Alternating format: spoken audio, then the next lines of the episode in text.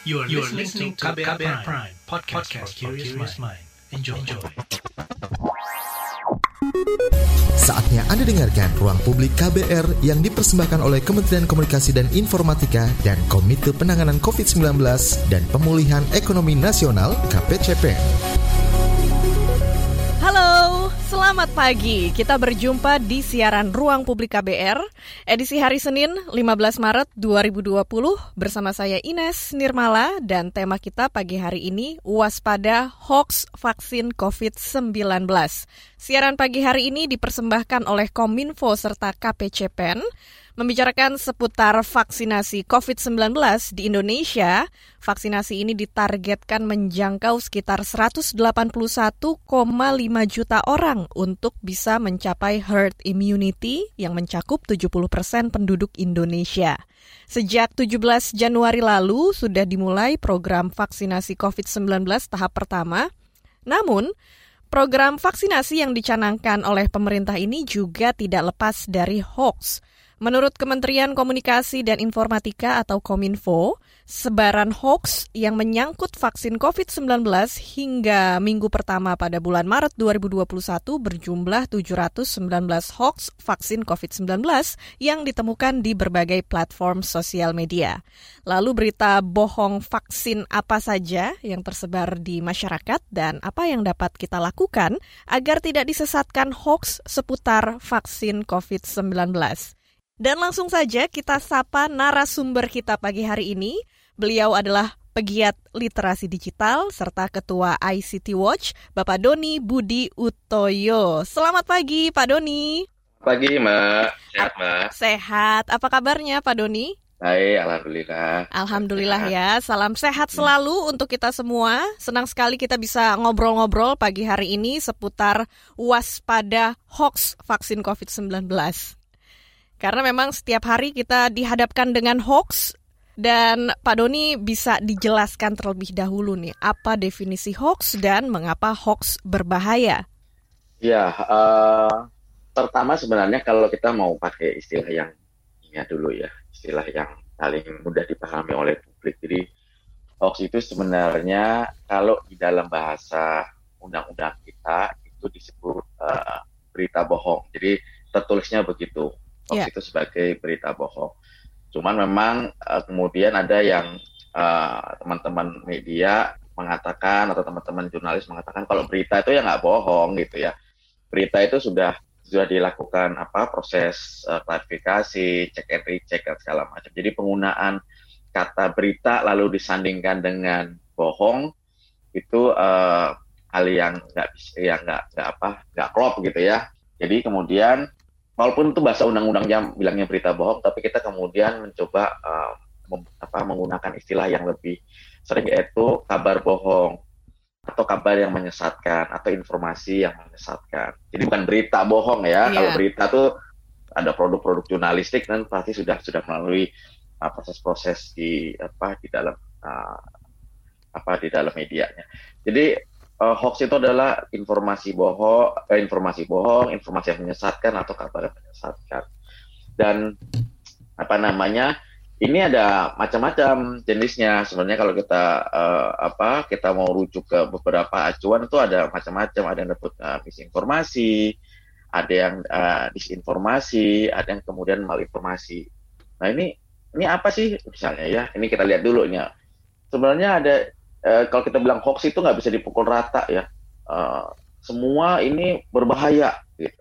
Karena atau semua ini hanya keseleo lidah misalnya atau hanya hanya salah kaprah nggak bisa begitu karena sebenarnya ya UNESCO ini uh, badan yang urusan kebudayaan bahasa dan segala macam di PBB itu mengatakan tidaknya tuh ada uh, hoax itu bisa dibagi tiga misinformasi, disinformasi, sama malinformasi. Apa sih misinformasi? Misinformasi ini hanya uh, kesalahan konteks saja. Misalnya, uh, kalau kita menghirup, misalnya ini hoax terkait, terkait mm -hmm. informasi terkait dengan COVID ya. Misalnya kalau kita meng, uh, menghirup uh, apa namanya uh, minyak kayu putih, gitu, uap minyak kayu putih, kita bisa terbebas dari corona yeah. gitu kan sempat rame ya bahkan salah satu kementerian uh, kita juga ada yang sempat meyakini ini kemudian membuat kalung minyak kayu putih. Iya, pernah itu ya Pak ya. Apakah ya apakah itu hoax? Itu hoax. Tapi apakah itu berbahaya? Enggak juga gitu. Karena minyak kayu putih kan juga sebenarnya menyehatkan, menyegarkan kan. Hmm. Jadi tidak ada kaitannya. Jadi walaupun tidak ada kaitannya, belum ada uji klinisnya, belum terbukti secara klinis, tapi yang mau ngisep minyak kayu putih juga silakan aja. Saya juga kalau misalnya lagi mau perjalanan gitu minyak, minyak kayu putih ya nggak apa-apa, nggak ada bahayanya dia. Iya, itu misinformasi namanya ya. Antara itu misinformasi. Sedangkan kalau disinformasi ini adalah informasi yang uh, dibuat ya yang kemudian dalam tujuan untuk menyesatkan dan lebih berbahaya. Ya. Misalnya, oh kalau kita me, apa meminum disinfektan itu kan dulu siapa namanya itu presiden Amerika yang sebelumnya itu. Dia kalau meminum cairan disinfektan atau apa gitu itu bisa menghilangkan uh, virus corona misalnya di, di leher kita gitu ya karena kita minum. Oh itu kan berbahaya gitu. Itu walaupun dia mungkin entah dari mana tapi itu disinformasi. Atau misalnya eh jangan mau disuntik uh, vaksin.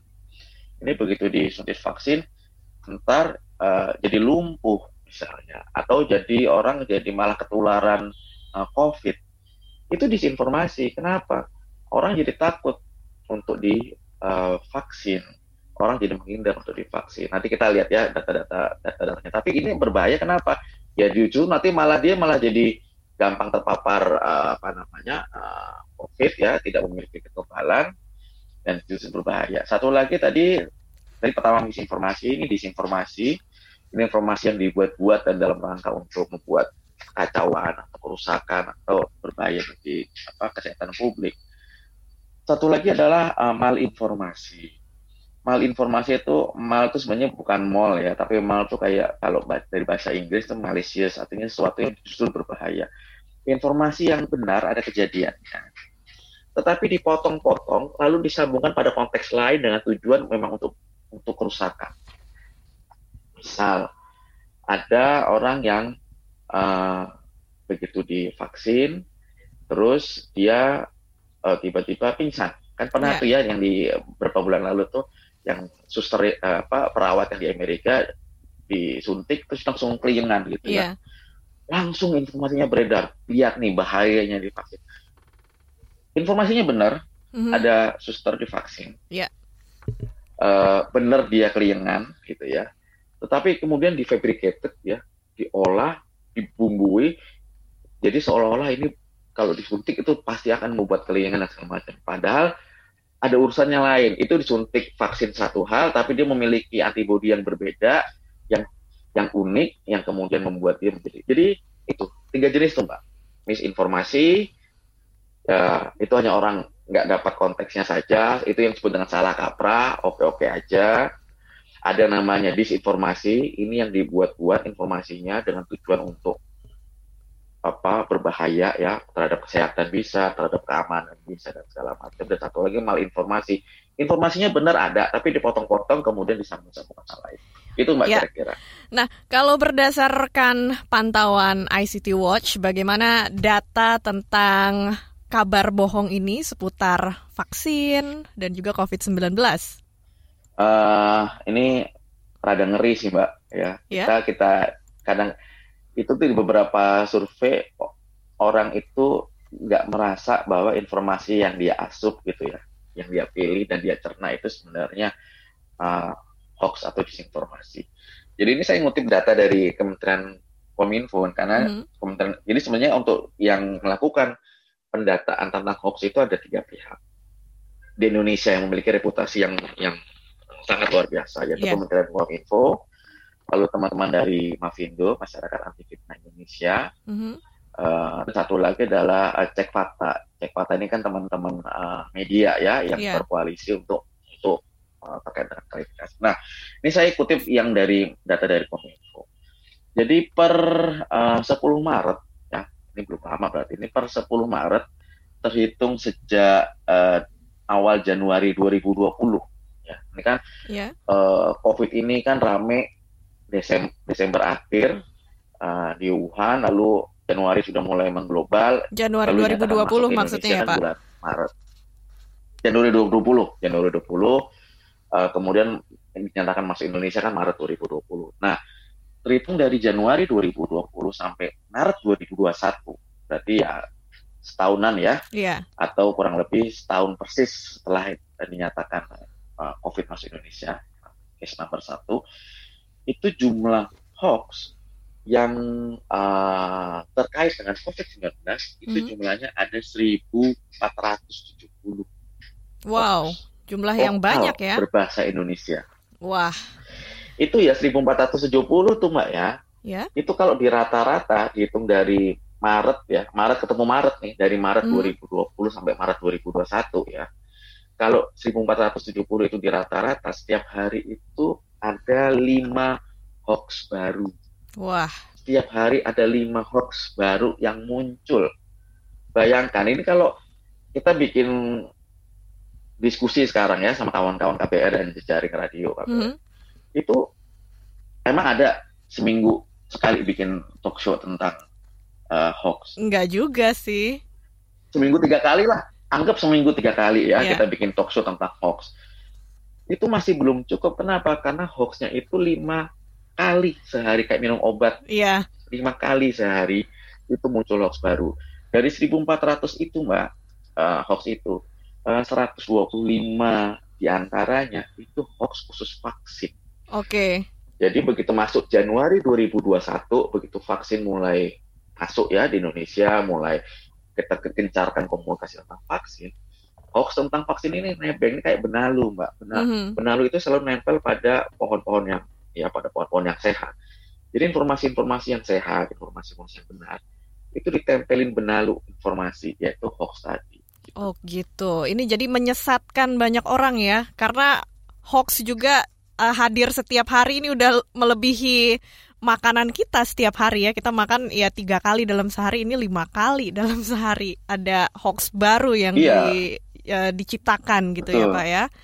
Nah, betul, um, betul. untuk uh, dari pemerintah ataupun dari masyarakat ada gerakan untuk memberantas hoax dan uh, tadi berdasarkan uh, data ada 1470 hoax tentang COVID-19 dalam setahun. Ini uh, mengapa ya Pak ada oknum-oknum yang membuat berita hoax? Apa motifnya? Iya, jadi kenapa ya ada orang buat hoax ya? Balik lagi sebenarnya kalau kita tadi bagi-bagi ya ada misinformasi, mm -hmm ada uh, disinformasi dan malinformasi. Jadi ada orang yang dalam tanda kutip buat hoax itu karena ketidaktahuan dia. Kalau hoax kan mbak, semuanya kan hoax ini sudah mm -hmm. sudah rame ya, tidak hanya sekedar pas lagi imunisasi dan vaksinasi zaman pilpres itu juga rame ya, zaman pilkada juga rame. Bahkan jauh sejauh jauh sebelumnya hoax itu juga sudah banyak tercatat dalam uh, banyak sejarah gitu ya. Tapi misalnya khusus di Indonesia kita sederhanakan. Misalnya ada orang yang nggak ngerti bahwa itu jangan-jangan misalnya itu orang uh, pakai penglaris tuh makanannya tuh karena enak, karena laku. Terus padahal bisik-bisik doang iseng, tapi kemudian jadi informasi yang sumir gitu ya. Mm. Terus uh, kita pernah ingat dulu ada hoax tentang beras uh, plastik. Iya. Yeah. Jadi ada orang orang beli apa namanya orang beli makanan padang, terus dia kok ini berasnya ulen banget, terus yang dia dikepel-kepel kan, terus mm -hmm. begitu dia itu ada videonya, yeah. begitu dia banting ke meja, berasnya berasnya membal, langsung ini pasti berasnya beras plastik ini dibeli di China apa-apa gitu mm -hmm. ya, mm-hmm. rame viral, nah yang dagangnya kan juga bingung, ah beras plastik, mm -hmm. terus begitu di di klarifikasi segala macam eh itu bukan beras plastik itu berasnya kelas istimewa pulen ya sangat pulen sehingga itu emang belasnya belas enak banget oh, orang gitu. sampai kemudian yang yang bikin bukan yang bikin hoax ya yang menyebarkan itu aduh maaf ya saya nggak tahu banget nah jadi ada orang yang memang nggak tahu dan kemudian dia memiliki semangat untuk menyampaikan penyampai kabar yang pertama Nah sekarang kan kayak teman-teman media kan ingin menjadi pengabar yang pertama, tapi teman-teman media pasti punya mekanisme untuk pengabar yang pertama yang benar. Betul. Tapi teman-teman netizen ini kan pingin yang pertama, tetapi konsep cek and recheck, klarifikasinya kan belum sekuat teman-teman media ya. Jadi rame dulu tuh. Nah kalau udah sudah seperti itu, ya sebenarnya ya sudah silakan klarifikasi, minta maaf, oke okay lah karena dia nggak tahu. Tetapi banyak juga mereka yang membuat hoax karena itu industri, Mbak. Wah, ini pesanan. akan kita bahas ya Pak. Hoax adalah pesanan, ada industrinya. Kita akan bahas setelah jeda bersama Pak Doni Budi Utoyo, pegiat literasi digital dan ketua ICT Watch. Dan kita akan kembali lagi ke ruang publik KBR setelah yang satu ini. Masih Anda dengarkan Ruang Publik KBR yang dipersembahkan oleh Kementerian Komunikasi dan Informatika dan Komite Penanganan COVID-19 dan Pemulihan Ekonomi Nasional KPCPN.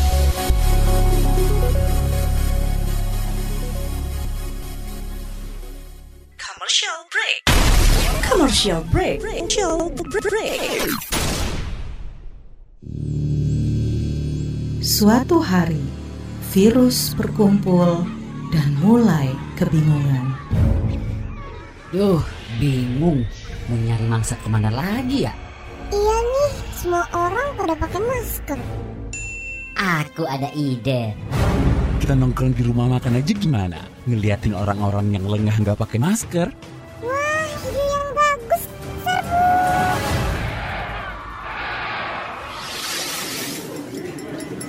Hati-hati makan bersama saat pandemi.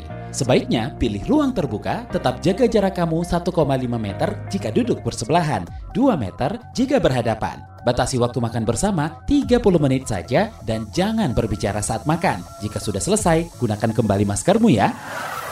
Jangan sampai lengah, COVID masih ada. COVID masih ada. Pesan layanan masyarakat ini adalah kampanye bersama media lawan COVID-19. Masih Anda dengarkan Ruang Publik KBR yang dipersembahkan oleh Kementerian Komunikasi dan Informatika dan Komite Penanganan COVID-19 dan Pemulihan Ekonomi Nasional KPCPN. Anda masih mendengarkan siaran Ruang Publik KBR yang temanya pagi hari ini Waspada hoax vaksin COVID-19 bersama dengan narasumber kita Bapak Doni Budi Utoyo selaku pegiat literasi digital dan ketua ICT Watch dan juga Ruang Publik hari ini dipersembahkan oleh Kominfo serta KPCPEN.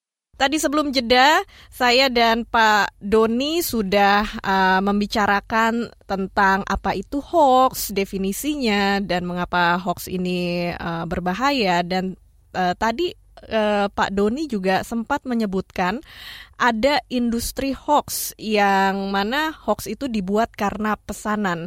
Bisa dijelaskan lebih banyak Pak Doni tentang hal ini? Ya, sebenarnya kalau eh, industri pesanan dalam membuat disinformasi ini sekali lagi bukan fenomena yang ada di Indonesia aja ya. ya. Jadi misal ini cukup banyak diulas dan banyak menjadi kajian pada saat uh, pemilihan presiden di uh, Amerika, Amerika Serikat yang kemudian memenangkan uh, Donald Trump. Mm. Jadi dan itu kombinasi antara algoritma media sosial dengan konten-konten disinformasi. Apa itu? Jadi caranya gini. Kalau dengan algoritma kan kita sebenarnya bisa tahu ya mana yang orang yang pakai medsos nih dengan dia membuka konten-konten tertentu kita bisa tahu nih mana yang pro pada A, mana yang pro pada B, mana yang benci pada A, mana benci pada B, mana yang masih ragu-ragu begitu ya. Dari algoritma itu misalnya nih, saya mau menangkan kandidat tertentu atau kandidat A. Ini ada sekian banyak orang yang masih ragu-ragu nih untuk memilih uh, yang A begitu. Maka yang uh, saya lakukan adalah uh, saya menggelontorkan disinformasi untuk dibaca oleh kelompok yang ragu-ragu tadi. Misalnya, aduh saya nggak tahu nih milih A atau B ya. Maka yang saya gelontorkan adalah informasi-informasi yang menjelek-jelekkan si B, walaupun itu mungkin benar, tapi namanya jadi malinformasi, atau informasi yang salah, yang disebut dengan informasi. Lalu saya membaik-baikan yang A. Jadi yang A saya baik-baikin informasinya, lalu saya dorong supaya dibaca oleh orang-orang yang ragu, lalu orang jadi berpikir, ini kayak yang B emang brengsek banget nih. Padahal yang dibaca tuh disinformasi atau malah informasi. Konsep-konsep itu tuh sudah sudah berjalan dan itu ada yang berbayar dalam uh, konteks perpolitikan pada saat itu ya. Uh, tetapi berbayar itu bisa bisa dua hal, bisa karena dia mendapatkan pesanan, ya, untuk kemudian itu di, disalurkan informasi yang salah tadi, atau tidak ada kaitannya sama sekali si pembuat hoax tadi dengan pemilu. Jadi ini ada satu artikel yang menarik salah satu majalah di Amerika yang saya baca. Bahkan si pembuat hoax ini yang kemudian akhirnya membuat orang memilih Trump pada saat itu, itu tidak tinggal di Amerika, bukan warga negara Amerika, tidak ada urusannya sama pil, uh, pemilihan pilpres di Amerika. Dari mana? Kenapa dia melakukan? Karena yang penting bagi dia traffic. Ya.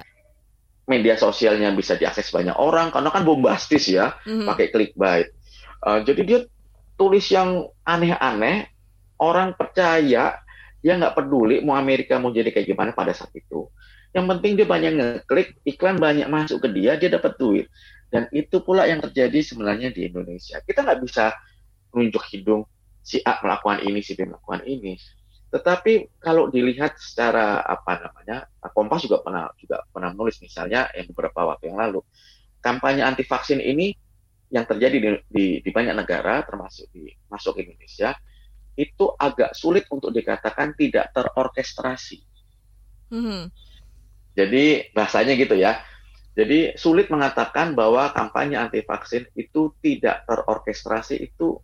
Jadi yang gampang atau bahasa langsungnya ini sih nggak mungkin nih kalau nggak diorkestrasi, nggak mungkin nih kalau nggak ada yang ngongkosin. Kenapa? Sangat tertata ya, sangat masif dan segala macam. Jadi bisa dua hal mbak. Karena dia memang dipesan mm-hmm. disinformasi ini untuk mengacaukan dan bisa jadi isu kesehatan ini, jadi kalau menurut masyarakat telematika, dia melakukan riset kira-kira uh, tiga tahun lalu, isu disinformasi itu yang paling menarik itu benalu ini nempel di pohon informasi apa? Ada tiga, Pak. Mm -hmm.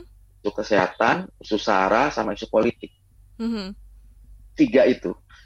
Jadi, bisa jadi nih ya, kesehatan ini hanya salah satu loncatan bagi orang untuk masuk ke arah politik, maksudnya untuk menggegerkan okay. politik. Iya. Yeah. Jadi kebayang ya Mbak ya. Jadi kita misalnya kita lihat nih, saya melihat gitu ya, atau kawan-kawan ini belum ada penelitian yang lebih detail secara akademis, tapi lihat ini kok kayaknya hanya loncatan ya yang mau digoyang itu sebenarnya kayaknya bukan soal vaksinnya nih, mm-hmm. kayaknya bukan soal covidnya nih, kayak gitu ya. Yeah. Jadi itu termasuk juga ada yang orang ngejar traffic juga juga banyak dalam rangka untuk dapat mendapatkan apa namanya uh, iklan AdSense kayak gitu. Iya, iya. Ini um, mengejutkan juga ya kalau memang hoax itu dilakukan tadi Pak Doni bilang terorkestrasi atau mungkin bisa kita bilang terorganisir juga hoax tentang vaksin. Dan dari pohon vaksin ini bukan cuma mengancam uh, untuk isu kesehatan tapi juga politik ya Pak ya. Nah, sasarannya adalah masyarakat dan uh, mengapa masyarakat mudah sekali termakan berita hoax dan uh, bagian masyarakat mana yang paling terpotensi terserang hoax? Iya, jadi ini saya uh, izin mengutip dari uh, apa survei yang dilakukan. Ini berdasarkan survei ya. Jadi mm -hmm. kalau ini saya berdasarkan data, jadi lebih enak ngomong. Yeah. Jadi ada survei penerimaan vaksin COVID-19 ya, ini yang dilakukan oleh WHO, Kemenkes, dan UNICEF. Itu dirilis November 2020, jadi belum lama ya. Itu hasil survei mengatakan 64,8 persen yang disurvei, itu ada 112 ribu yang disurvei ya, uh, itu 64,8 persen menerima untuk divaksin, kemudian yang mengatakan uh, masih ragu-ragu itu sekitar 27,8 persen. Ya. Tadi kita sudah bahas di awal, Mbak sudah menyampaikan di awal, kita untuk mencapai herd immunity atau kekebalan kelompok itu butuh sekitar 60-70% orang siap divaksin saat vaksinnya siap. Berdasarkan survei November 2020, surveinya WHO, Kemenkes, dan UNICEF, itu baru 64,8 Oh, udah bagus dong. Kan tadi 60-70 persen. Mm -hmm. Ya dong. Yeah. Sebenarnya itu jauh dari cukup kalau bicara soal kesiapan divaksin. Kenapa? Itu nanti realisasinya dari orang yang siap divaksin itu lama-lama bisa tergerus karena dia baca informasi yang salah, karena dia takut dan segala macam. Lalu kita bandingkan dengan survei yang dilakukan oleh uh, indikator. Indikator melakukan survei dirilis pada awal Februari 2021. Survei indikator politik ini mengatakan hanya 55% orang yang siap divaksin saat vaksinnya siap. Mm-hmm. Tadi 65-an ya, yeah. turun. Dan itu kita cek tuh, uh, mereka tuh sebenarnya baca informasinya, ada kontennya dari mana sih? Selain televisi, ya termasuk yang di atas, yang urutan yang paling atas selain televisi itu adalah media sosial. Media sosial itu bicara internet, uh, ada WhatsApp di situ, Facebook, Instagram, Twitter, YouTube dan segala macam. Jadi Mbak kalau misalnya ditanya, ini siapa sih yang uh, jadi apa namanya bahayanya di mana? Bahayanya yang pertama kali udah jelas Mbak. Mm-hmm. Kalau semakin banyak orang yang takut untuk divaksin hanya karena dia asupan informasinya itu salah, maka nanti vaksinnya saat vaksinnya siap orang jadi takut. Ini kan udah banyak Mbak berita di NTT sama di Papua yeah. di tempat yang terpisah orang melarikan diri. Betul. Tempat karena takut divaksin. Nah, saya dapat dari grup WhatsApp itu, Pak. Informasi nah, itu. itu. Fakta, itu kan orang nah kalau nanti kemudian tidak tercapai kekebalan kelompok ya, tidak sampai yang divaksin jumlahnya 60 sampai 70% orang Indonesia nggak sampai divaksin jumlahnya karena takut divaksin mau sampai kapan pun Indonesia tidak akan bisa mengatasi pandemi ini. Bahaya nggak? Yeah. Nah, udah jelas lah bahaya. Kesehatan sama ekonomi udah pasti uh, morat marit. Jadi ini dan sekarang semakin terasa bahayanya kenapa? Karena pengguna internet Indonesia sekarang jumlahnya lebih dari 200 juta, Pak. Itu dipus sekali dengan adanya pandemi ini orang kan disuruh belajar online, cari duit online, bekerja hmm. online. Dipus banget. Sementara hoaknya itu sangat masif ada di media sosial atau internet. Bukan berarti di internet atau media sosial nggak banyak konten positifnya ya, atau banyak juga, tetap lebih banyak. Tapi kadang-kadang orang kesasar aja. Ya, oke. Okay. Kita akan jeda dulu sejenak Pak Doni dan berikutnya nanti kita akan bahas bagaimana cara supaya kita bisa menangkal hoax, supaya kita tidak termakan kabar bohong ini. Dan kita akan kembali lagi ke ruang publik KBR setelah yang satu ini. Masih Anda dengarkan Ruang Publik KBR yang dipersembahkan oleh Kementerian Komunikasi dan Informatika dan Komite Penanganan COVID-19 dan Pemulihan Ekonomi Nasional KPCPN. Kita masih di siaran Ruang Publik KBR dan tema pagi hari ini adalah waspada hoax vaksin COVID-19 bersama saya Ines Nirmala dan juga narasumber kita seorang pegiat literasi digital dan ketua ICT Watch Bapak Doni Budi Utoyo. Pak Doni, pagi hari ini juga sudah ada pendengar kita yang bergabung lewat telepon. Ada Hendro dari Manado. Kita langsung angkat saja teleponnya. Selamat pagi, Pak Hendro. Selamat pagi, Bu. Iya, Pak Hendro. Ya. Saya lagi membayar saya dengar radio uh, eh, KBR dari Manado. Saya mau nanya, Ibu. Iya. Karena lagi lagi apa maksudnya lagi santer-santernya katanya uh, vaksinnya sudah mau expire, Bu. Mm -hmm. Kemudian yang kedua, katanya untuk vaksin takut-takutnya ini ada pembukuan darah. Apakah benar seperti itu Bu ya? Oh gitu. Soalnya orang Manado pada takut nih Bu untuk vaksin lagi. Oh ya, di sana? Iya Bu. Iya. iya. Hmm.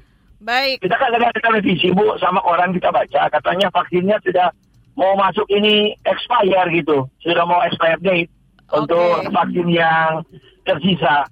Okay. Karena takutnya kami dapat vaksin kemudian itu barangnya sudah expired Bu. Kemudian yang kedua takutnya ada ya. vaksin katanya yang bisa membuat pembekuan darah gitu. Baik, Pak. Itu aja, Bu. Ya. ya, makasih Bu ya. Terima makasih. kasih Pak Hendro di Manado. Bagaimana Pak Doni menanggapi hoax tersebut yang disampaikan oleh pendengar kita dari Manado? Iya, yang pertama yang terkait dengan uh, kadaluarsa. Jadi uh, betul bahwa vaksin, obat-obatan, makanan, apa pun yang kita asup, yang masuk dalam tubuh kita, pada saat diproduksi itu akan memiliki masa kadaluarsa. Itu betul. Dan masa kadaluarsa ini kan memang terkait dengan keamanan, keselamatan, ataupun juga keampuhan dari apa pun yang kita asup, yang kita masuk dalam tubuh kita. Yang tapi terkait dengan uh, adanya kadaluarsa terhadap uh, uh, vaksin yang masuk Indonesia, Sinovac itu, itu kan disampaikan oleh BPOM dan itu juga betul.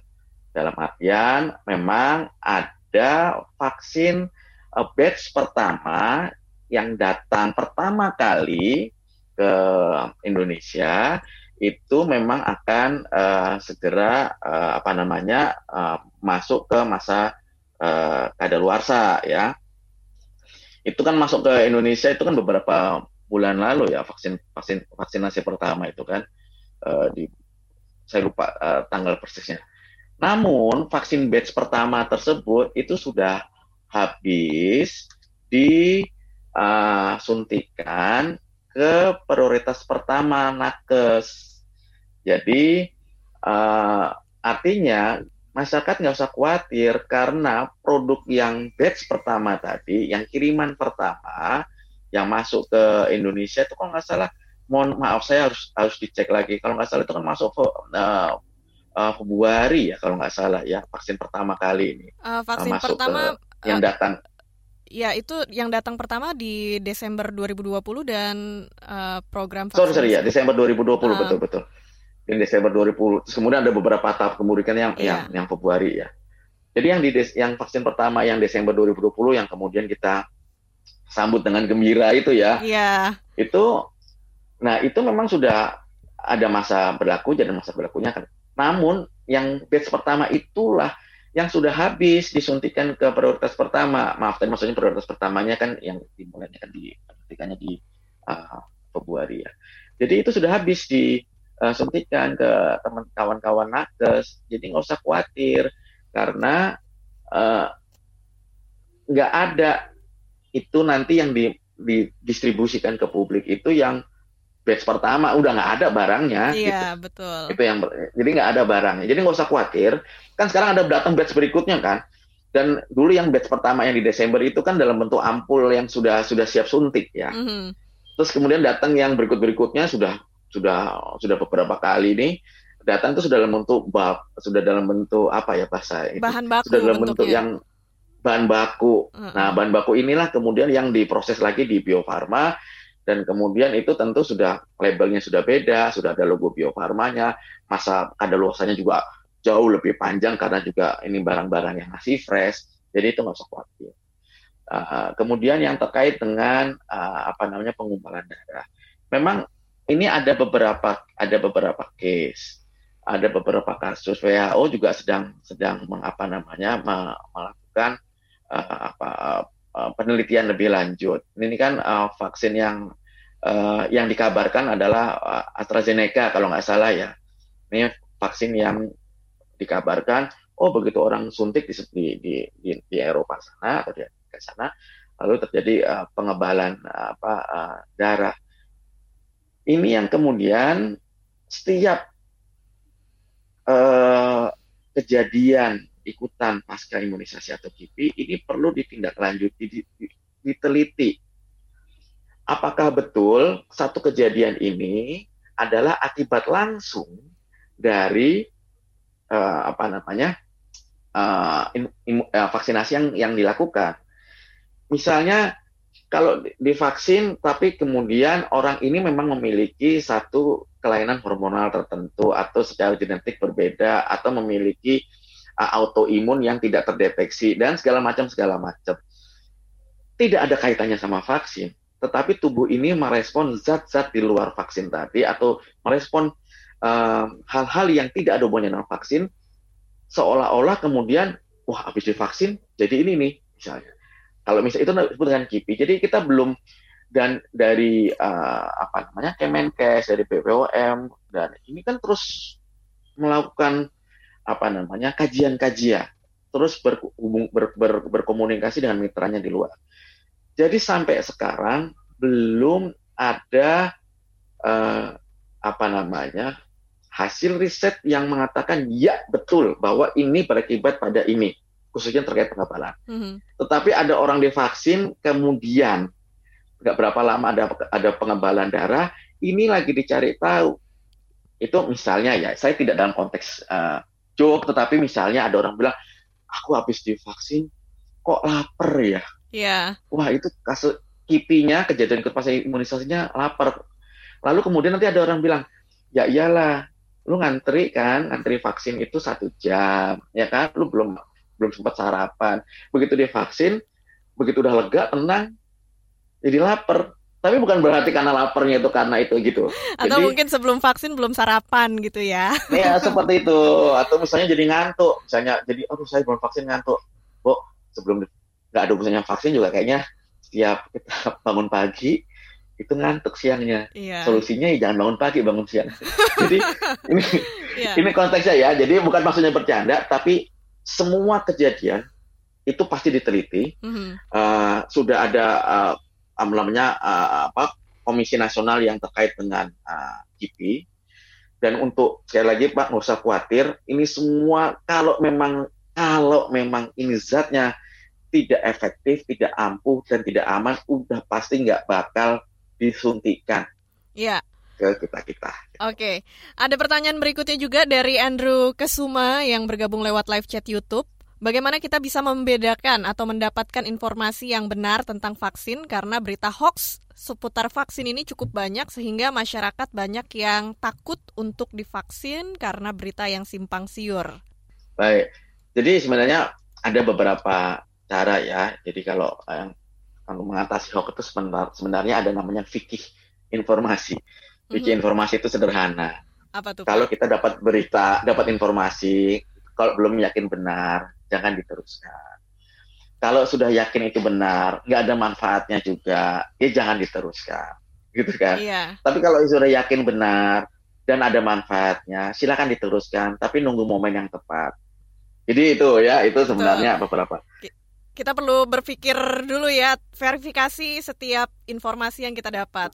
Betul, dan kemudian sumber informasinya harus yang jelas. Misalnya, khusus di Indonesia, eh, jika ingin mencari informasi tentang COVID-19 atau vaksinasi, eh, salah satu yang informasinya sudah dikurasi dengan baik oleh tim yang kredibel, dengan sumber yang rujukan yang kredibel, itu misalnya di situs covid19.go.id.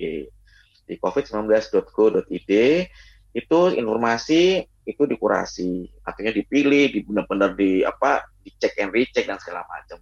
Juga ada media sosial, media sosial media sosial yang dapat diikuti, misalnya at lawan COVID-19 underscore id atau garis bawah id itu juga dikelola oleh KPCPEN, eh, Komite Penanganan COVID-19 dan Pemulihan Ekonomi Nasional. Ini cukup apa? Cukup membantu. Dan satu lagi kalau mau mau apa membantu cek and check, cek and recheck apakah ini hoax atau bukan, silakan berkunjung ke s.id garis miring info vaksin. Iya. S.id garis miring info vaksin itu bisa kita cek tuh itu hoax atau bukan informasinya. Uh, lalu ada rujukan-rujukan tentang vaksin atau COVID-19 yang kredibel.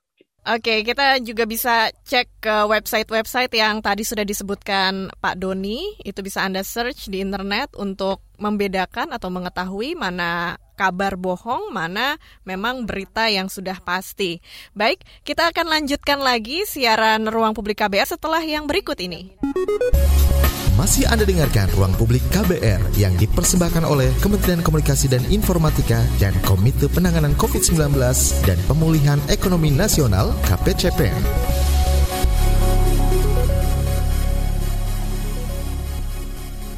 Commercial break. Commercial break. Commercial break. Psikolog klinis Gisela Tani Pratiwi membagi tips caranya berdamai dengan trauma masa kecil. uh, ayah atau ibu saya mengata-ngatai saya dengan kalimat tertentu. Misalnya kamu bodoh, misalnya katakan gitu ya. Itu terngiang terus sama saya, itu dampak emosinya apa ke saya? Gitu ya. Jadi pemicunya apa, dampak emosinya apa, lalu sensasi badannya seperti apa, kemudian pemikiran apa yang muncul. Oh iya, memang saya bodoh, saya nggak bisa ngapa-ngapain. Terus emosinya saya jadi merasa sangat sedih, sangat menyalahkan diri kayak gitu ya segala macam. Nah itu dikenali dulu aspek-aspek ini. Kalau misalnya sudah dikenali, bisa dikeluarkan. Simak obrolan selengkapnya dalam podcast Disko Diskusi Psikologi dalam episode Berdamai dengan Trauma Masa Kecil di kbrprime.id dan platform mendengar podcast lainnya. Masih Anda dengarkan Ruang Publik KBR yang dipersembahkan oleh Kementerian Komunikasi dan Informatika dan Komite Penanganan COVID-19 dan Pemulihan Ekonomi Nasional KPCPN. Kita masih di siaran Ruang Publik KBR dan sekarang kita sudah masuk ke bagian terakhir dan masih membahas tema waspada hoax vaksin COVID-19. Siaran pagi hari ini dipersembahkan oleh Kominfo dan KPCPEN. Masih bersama dengan kita narasumber yang terhubung secara online Bapak Doni Budi Utoyo, pegiat literasi digital dan Ketua ICT Watch.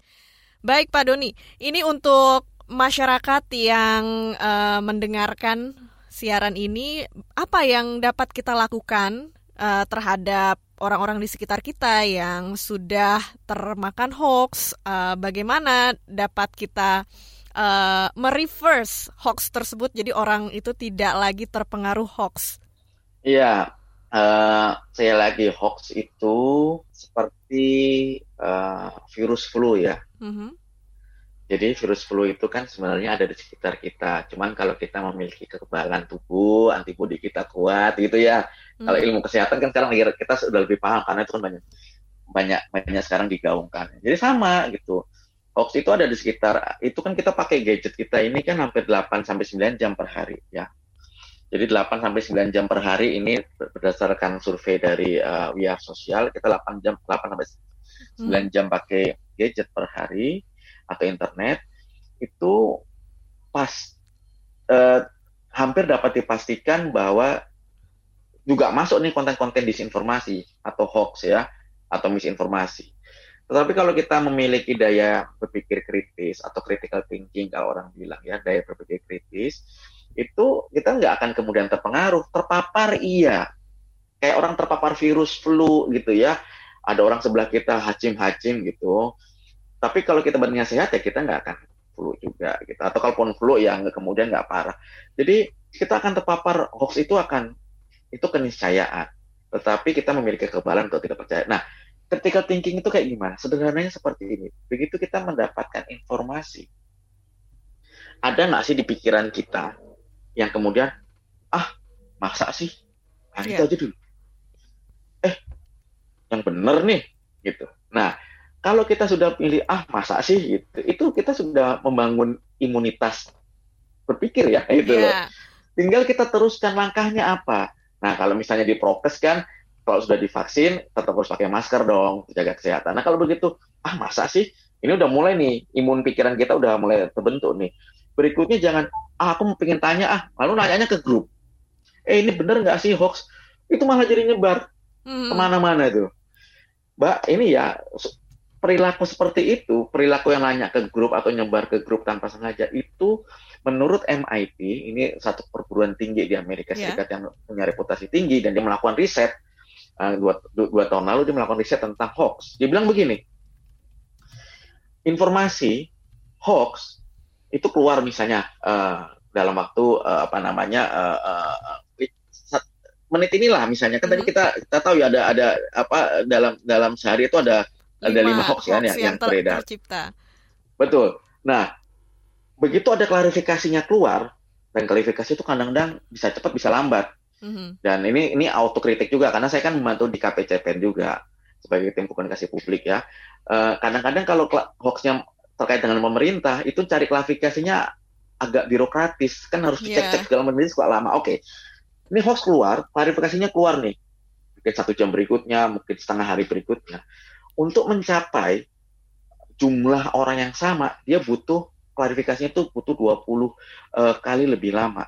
Jadi kalau hoax hitungan hoax ini hitungan matematis ya. Dalam 24 jam dia mencapai namanya downline ya. Uh, 10 itu kayak MLM Mbak, kayak hmm. piramid nyebar ke dua, dua lagi nyebar ke empat terus gitu ya. Yeah. Dalam 24 jam itu bisa menyebar ke 10 downline. Ya, itu bertahap begitu.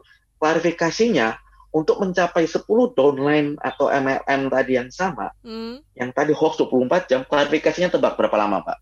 Um, mungkin dua atau tiga hari mungkin lebih lama ya kalau untuk klarifikasi. No mbak, 20 hari, Mbak. 20 hari untuk satu hoax yang sudah tersebar Jadi, selama hoax satu yang hari. sudah tersebar selama satu hari, downline 10, untuk mencapai jumlah orang yang sama tadi, itu butuh 20 hari.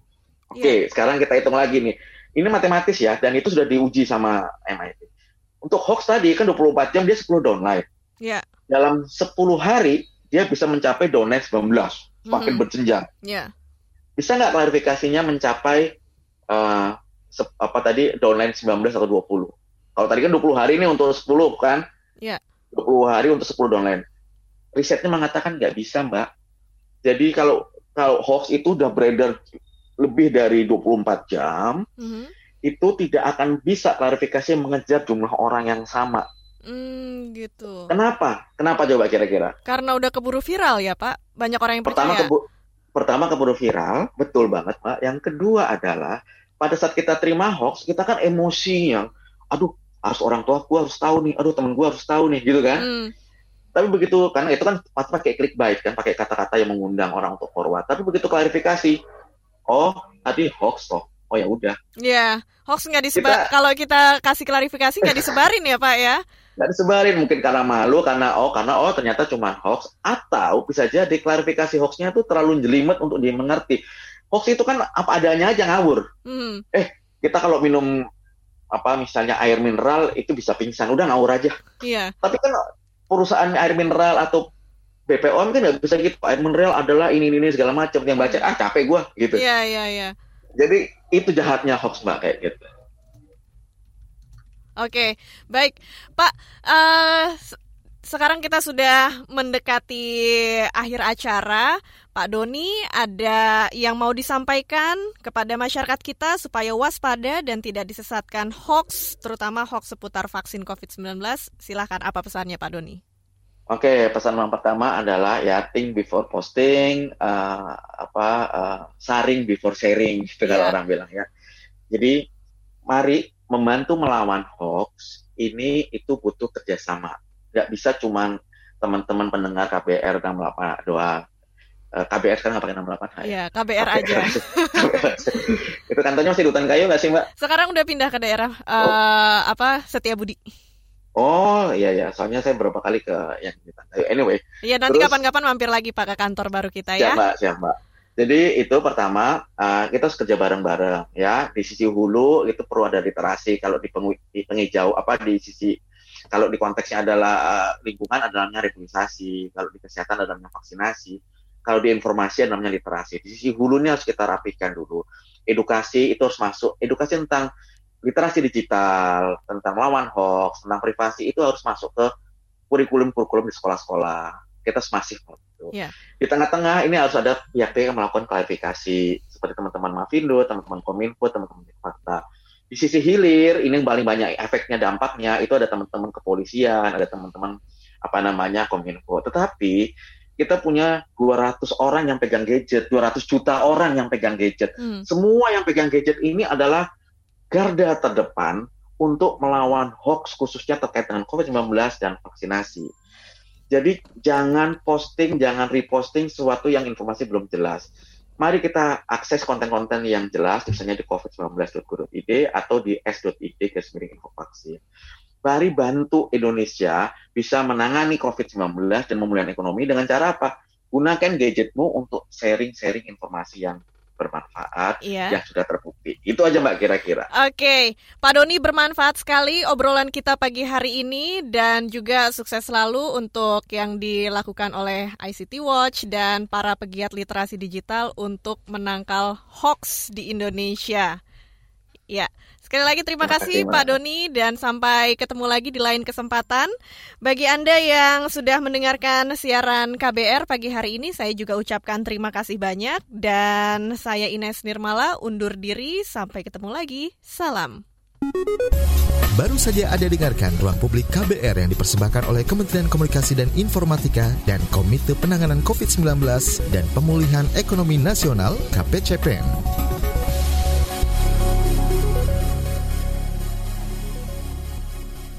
KBR Prime, cara asik mendengar berita. KBR Prime, podcast for curious mind.